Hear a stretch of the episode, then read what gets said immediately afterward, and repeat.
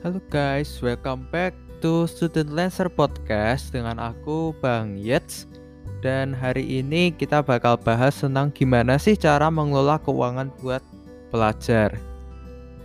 Nah kita kan sering banget tuh ngalamin tuh kayaknya kita udah dapat uang banyak gitu.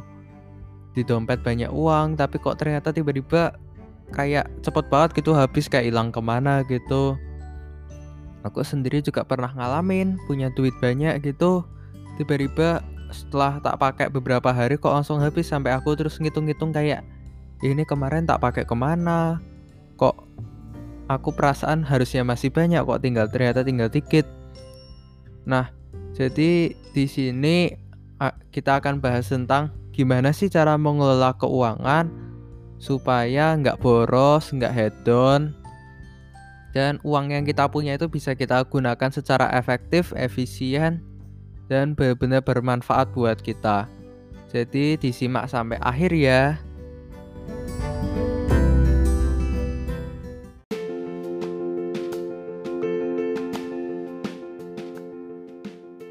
Jadi yang pertama adalah kita harus punya catatan pemasukan dan pengeluaran. Itu sangat penting banget kenapa? Supaya kita bisa ngelola keuangan kita. Kalau kita nggak punya catatan, kita pasti akan kebingungan ngelola keuangan kita. Karena ada juga yang uh, dibagi-bagi tuh uangnya. Misalnya uang sebulan satu juta gitu, terus 500 dibuat uh, makan, habis itu 500 lainnya dibuat kosan misalnya gitu. Nah, kalau kita nggak punya catatan pengeluaran, kita yang 500 dimakan itu bisa kita habisin dalam waktu setengah bulan tanpa kita kerasa. Nah, kan bahaya kalau di akhir bulan kita nggak punya uang gitu. Masa mau makannya neosanmah? Atau juga kadang agak tricky kalau kita nggak punya catatan keuangan adalah kalau kita simpan duit kita di beberapa tempat. Misalnya ada yang di rekening bank, ada yang di OVO, ada yang di GoPay, ada juga yang dibawa cash gitu. Nah misalnya aja ya dari satu juta itu 500 nya kita masukin ke rekening 500 nya cash. Nah kita pakai angka cash cash buat makan buat jajan gitulah ya. Nah terus yang rekeningnya itu itu dibuat nutupin kekurangan dari cash jadi supaya jangan bawa uang terlalu banyak saya gitu. Nah tapi karena kita nggak punya catatan pengeluaran kita beli-beli di online shop terus tanpa sadar habis tuh. Nah akhirnya kita nggak punya simpanan uang lagi. Di akhir bulan bakal kesusahan gitu. Ini juga yang mau punya target. Misalnya mau beli apa gitu pengen nabung buat beli apa gitu. Kalau nggak punya catatannya ya nggak bisa nabung habis terus bakalan. Nah jadi itu penting banget itu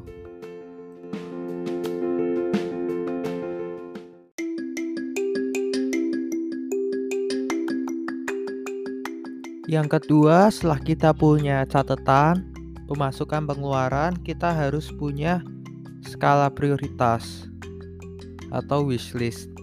Jadi uh, gini, ketika kita butuh untuk nabung, untuk beli sesuatu barang yang kita butuhkan atau kita inginkan, tapi harganya itu mahal, jadi harus nabung. Itu pasti akan lebih mudah untuk nabung daripada kalau kita nggak tahu buat apa nabung. Jadi uh, kayak gini loh. Misalnya aku mau beli barang HP misalnya 5 juta gitu. Ketika aku mau spend uangku untuk hal-hal yang aku pengenin dan sebenarnya nggak terlalu aku butuhin aku pasti akan mikir dua kali. Soalnya aku pengen secepat mungkin dapat 5 juta buat beli HP itu. Daripada aku nggak punya target aku nggak pengen beli apa-apa yang mahal gitu jadi aku ya udah punya uang. Oh ya aku jalan ke sini pengen jajan ini aku pengen jajan ini. Ngeliat-ngeliat online shop kayaknya dia pengen beli beli beli beli beli gitu. Jadi ketika kita punya target itu akan sangat memudahkan kita untuk menabung. Yang kedua adalah untuk sehari-hari.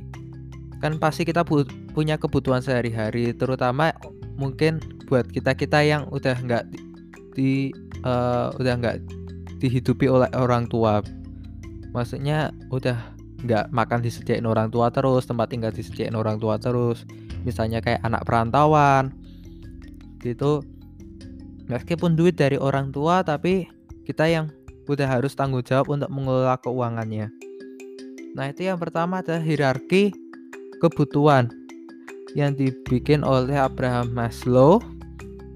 Yang paling penting pertama adalah fisiologis, kebutuhan seperti makan, minum, tidur, pakaian, tempat tinggal yang layak. Itu sangat penting itu. Yang pertama harus dipenuhi yang itu. Setelah itu baru ke keamanan, kesehatan, keamanan properti. Itu juga tingkat kedua. Yang ketiga adalah sosial, misalnya kita ngasih hadiah, atau kita ngasih buat keluarga atau mungkin jajain teman supaya dapat koneksi. Itu di urutan ketiga.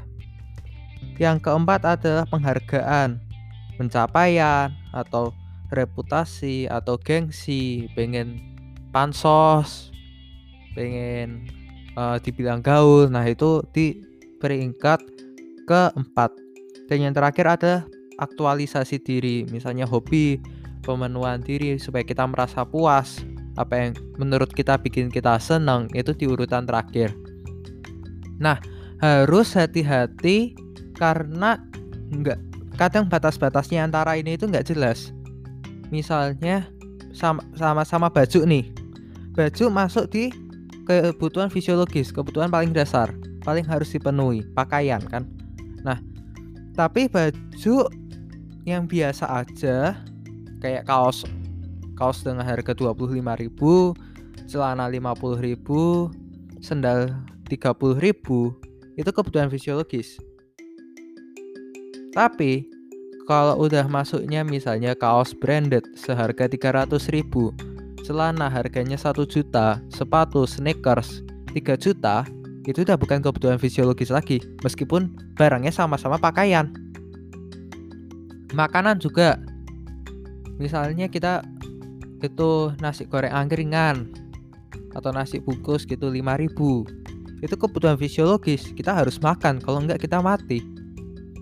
Tapi beda dengan ketika kita jajan di restoran-restoran mahal misalnya kayak Sushi Tei atau Pizza Hut atau merek-merek lainnya lah.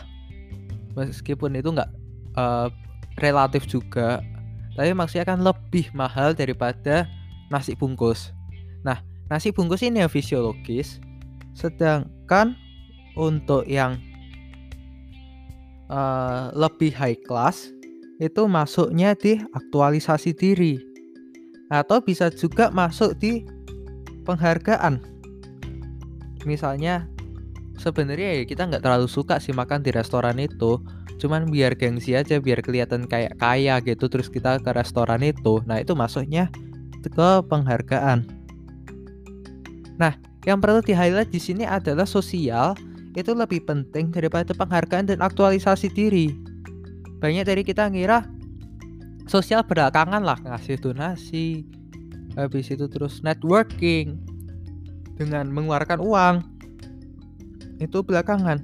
Padahal ternyata itu lebih penting. Sebenarnya penjelasan logisnya sih satu sih.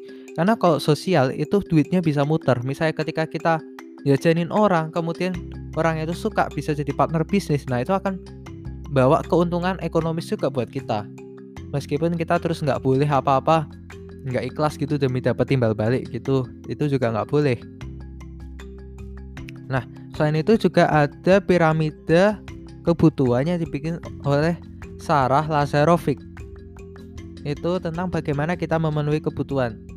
Yang pertama adalah yang paling ketika kita butuh sesuatu, yang pertama kita pikir adalah kita ada nggak?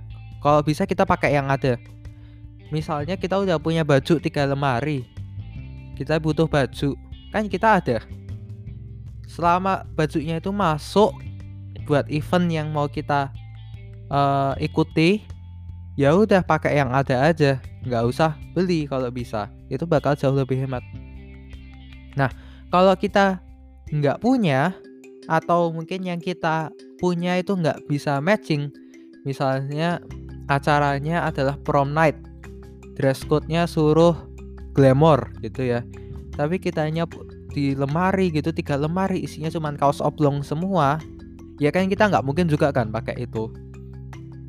Nah kalau kita udah nggak ada kita coba cari pinjaman kita pertimbangan. Misalnya kita butuhnya cuma sekali sih sekali sekali doang. Jarang banget pakai belum tentu setahun sekali. Lebih baik pinjem. Kenapa? Bakal lebih ngirit banget. Daripada beli juga nggak kepake. Atau kan kalau itu dadak banget ya kita lebih baik kalau bisa pinjam soalnya kan kalau kita beli dadak kan juga pasti kita juga ada the power of kepepet kan harus beli terpaksa beli meskipun mungkin nggak cocok sama kita sebenarnya. Tapi kita terpaksa beli gara-gara emang kita butuh pepet.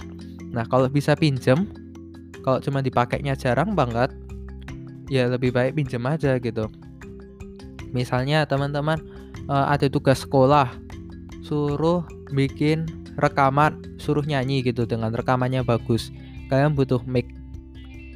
Nah tapi kalau teman-teman nggak suka bikin musik nggak suka nyanyi nggak suka rekaman tapi tugasnya suruh rekaman pakai mic alias teman-teman bakal cuma pakai micnya itu ya sekali itu doang kan. Nah lebih baik pinjem daripada beli. Kalau udah nggak bisa pinjam misalnya kita bakal make itu beberapa kali kan juga nggak etis kan kita pinjam-pinjam terus gitu. Atau mungkin juga uh, nggak ada pinjaman gitu coba barter.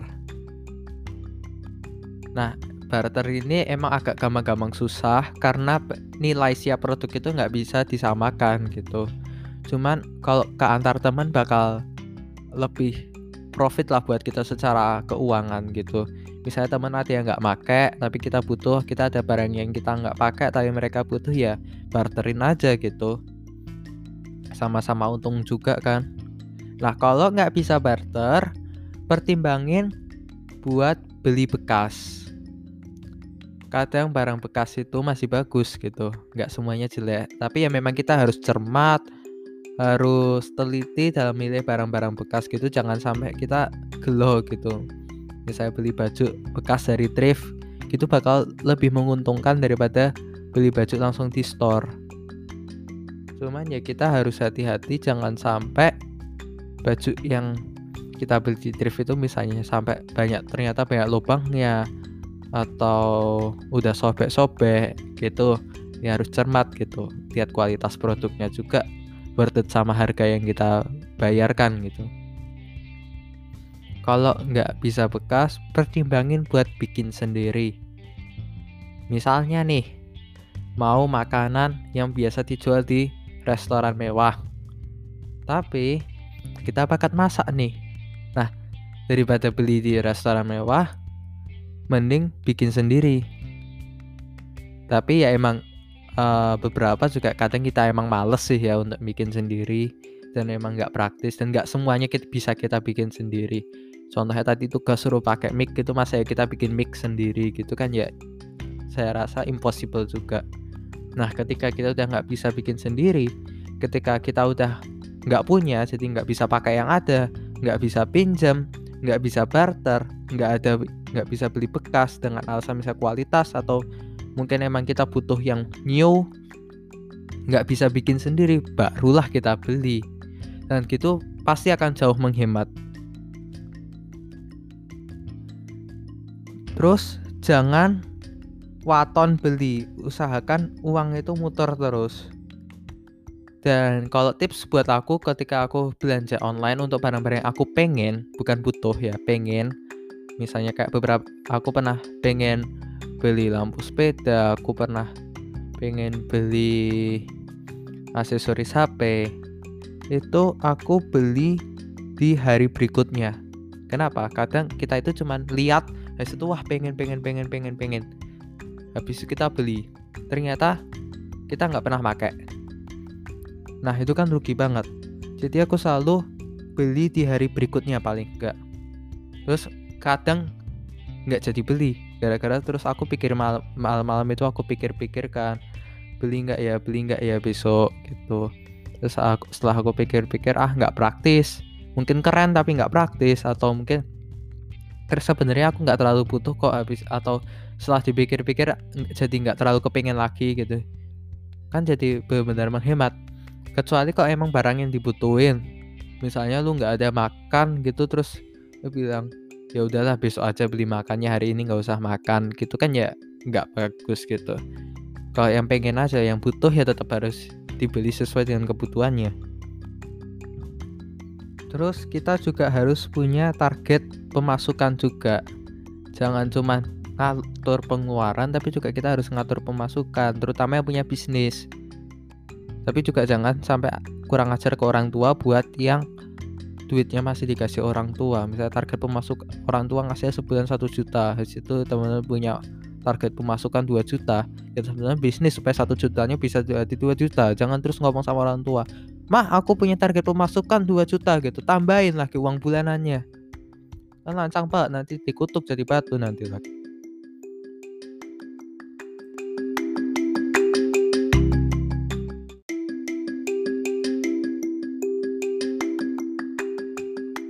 Nah, yang ketiga adalah semua orang harus punya dana darurat. Kenapa?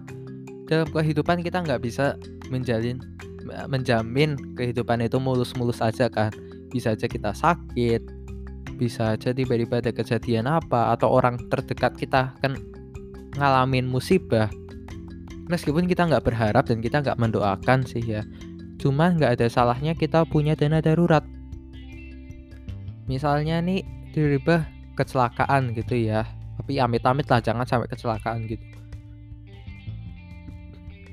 Kalau kita punya dana darurat kita bisa untuk paling enggak uh, enggak nol banget lah uang kita gitu. Atau tiba-tiba ada kebutuhan insidental gitu. Misalnya tiba-tiba uh, sakit gigi gitu ya sakit gigi harus berobat di dokter gigi gitu kan pasti keluar duit juga. Dan itu mungkin di luar dari perkiraan kita. Biasanya gigi nggak pernah kenapa kenapa kok. Jadi tiba-tiba harus ke rumah harus ke dokter gigi. Nah kalau kita nggak punya dana darurat mau gimana? Nah besarnya dana darurat ini disesuaikan dengan kebutuhan masing-masing dan penghasilan masing-masing Saya kalau misalnya penghasilannya banyak ya dana daruratnya agak banyak dikit lah kan bisa gitu. Kalau yang agak mepet ya mungkin sisihkan sedikit sedikit sedikit sedikit ditabung. Siapa tahu suatu saat kita benar-benar butuh itu dan jangan diambil kalau keadaannya nggak mendesak. Yang sering kita itu ada kita tabung tabung tabung tabung tabung buat dana darurat katanya kalau ada apa-apa. Eh, cuman tiba-tiba kepengen aja aku ngebet banget ini jadi darurat karena aku bener-bener pengen gitu. Terus kita beli gitu pakai dana darurat. Tiba-tiba ada satu kejadian yang benar-benar mengharuskan kita ngeluarin dana darurat kita nggak ada lagi dong. Yang keempat terakhir adalah ini tips yang berisiko tapi akan sangat uh, enak banget ada ketika kita mau beli barang yang mahal kayak HP, laptop, kamera atau apalah yang udah nilainya jutaan gitu pakailah kredit atau cicilan. Nah ini biasanya orang pada langsung skeptis hah kredit cicilan gitu bukannya tambah mahal ya? Nah maksudnya bukan di situ. Tapi gini uh, banyak juga yang bakal ngira terus nanti kan jadi susah ngendaliin dirinya bisa kredit kredit kredit eh nggak bisa bayarnya. Nah itulah resikonya kredit emang ah. cuman maksudku itu gini kalau kita misalnya punya uang 5 juta nih habis itu terus kita beli HP seharga 5 juta cash ya udah 5 jutanya habis ya kan? Nah tapi ketika kita dari 5 juta itu kita ambil cicilan misalnya sebulan 1 juta uang mukanya 1 juta juga. Misalnya gitu ya sebulan sebulan sebulan sebulan sebulan 1 juta. Nah sehingga di pertama kita dari 5 juta kita tinggal 4 juta kan buat bayar uang mukanya itu. Nah sebulan kita uangnya kita puterin misalnya ikut reksadana atau mungkin buat investasi apa gitu yang jangka pendek. Sehingga dari 4 juta ini bisa jadi empat setengah juta. Nah dari empat setengah juta kita harus bayar cicilan jadi tiga setengah juta. Kita puterin lagi dapat 500 ribu lagi jadi 4 juta. 4 juta kita bayar cicilan.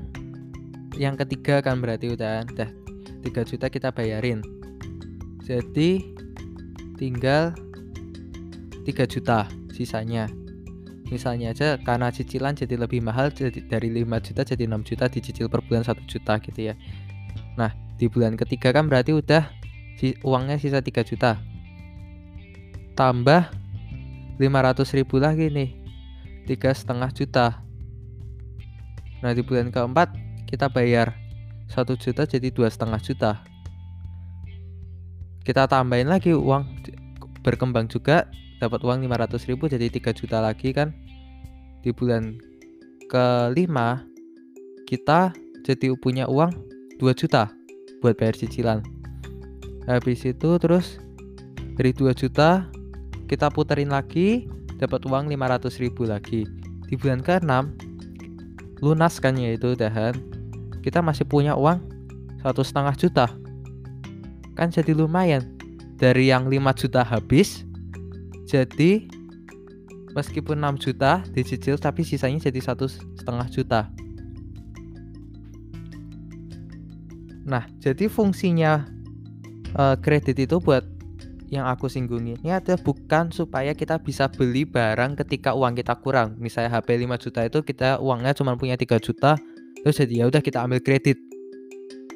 Tapi supaya kita bisa beli barang tapi mengurangi tapi uang yang kita keluarkan dan kita dapatkan itu lebih murah daripada bahannya itu ya tadi misalnya berarti kalau 5 juta ya 5 juta habis gitu kan cuman kalau yang 6 juta dicicil itu masih sisa satu setengah juta berarti kan kita uh, selisihnya ada gitu kan satu setengah juta nah yang harus kita hati-hati adalah pastikan uang kita cukup untuk beli barang itu dulu. Supaya apa? Jangan sampai kena kasus kredit macet. Misalnya uh, harganya cicilannya 6 juta itu, 6 juta dicicil per bulan. Ya kita harus siap gitu loh dengan uang segitu. Istilahnya kayak sebenarnya kita bisa beli cash, cuman kita milih kredit bukan karena kita nggak bisa beli cash jadi kita beli kredit nah itu prinsipnya di situ supaya kita nggak kelilit sama hutang jadi pokoknya jangan nafsu ngeluarin uang tapi semuanya dipikir-pikir ditimbang-timbang dulu supaya bisa uangnya tuh benar-benar efektif kita pakai. Nggak nggak terus hilang tanpa makna gitu kayak dia yang hilang dari hati tapi nggak membekas gitu ya. Mending kayak mantan terindah gitu meskipun hilang gitu tapi kenangannya tetap tinggal di hati gitu. Ya uang juga gitu. Meskipun hilang buat beli barang gitu tapi masih ada sisa-sisa di dompet gitu itu kan bakal jauh lebih enak. Nah itu aja untuk hari ini. Thank you for listening. Oh iya aku juga rekomendasiin buat teman-teman yang mau buka podcast gitu. Anchor.fm h n c h o r fm itu enak banget bikinnya podcast gitu bisa online integrated antara laptop dan HP simple di browser gratis lagi. Terus juga bisa upload bisa otomatis upload di beberapa platform lain. Itu benar-benar enak banget sih itu. Terus sama ada kita bisa nambahin sound effect udah disediain jadi kita tinggal klik klik klik aja. Dan sound effect-nya itu free from copyright jadi kita bebas memakai tanpa kita melanggar hak cipta orang lain. Jadi yang belum punya buruan download yang belum daftar duluan daftar di anchor.fm sama uh, jangan lupa juga untuk follow Instagram Yet Store Y E D Z S T O R E. Nanti juga aku tulis di uh, bio atau caption atau apalah itulah ya. Karena kenapa? Karena uh, uang dari situ itu akan uh, sangat membantu untuk perkembangan podcast ini untuk perkembangan informasi kita supaya bisa podcast ini terus berkembang daripada aku kasih podcast berbayar kan?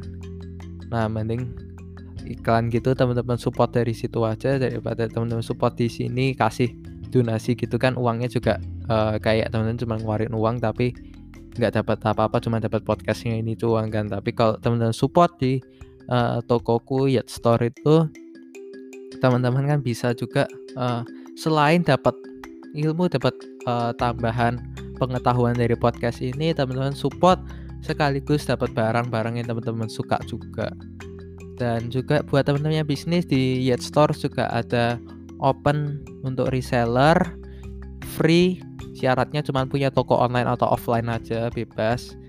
Tinggal DM aja Instagramnya dan jangan lupa stay tune untuk next episode. Thank you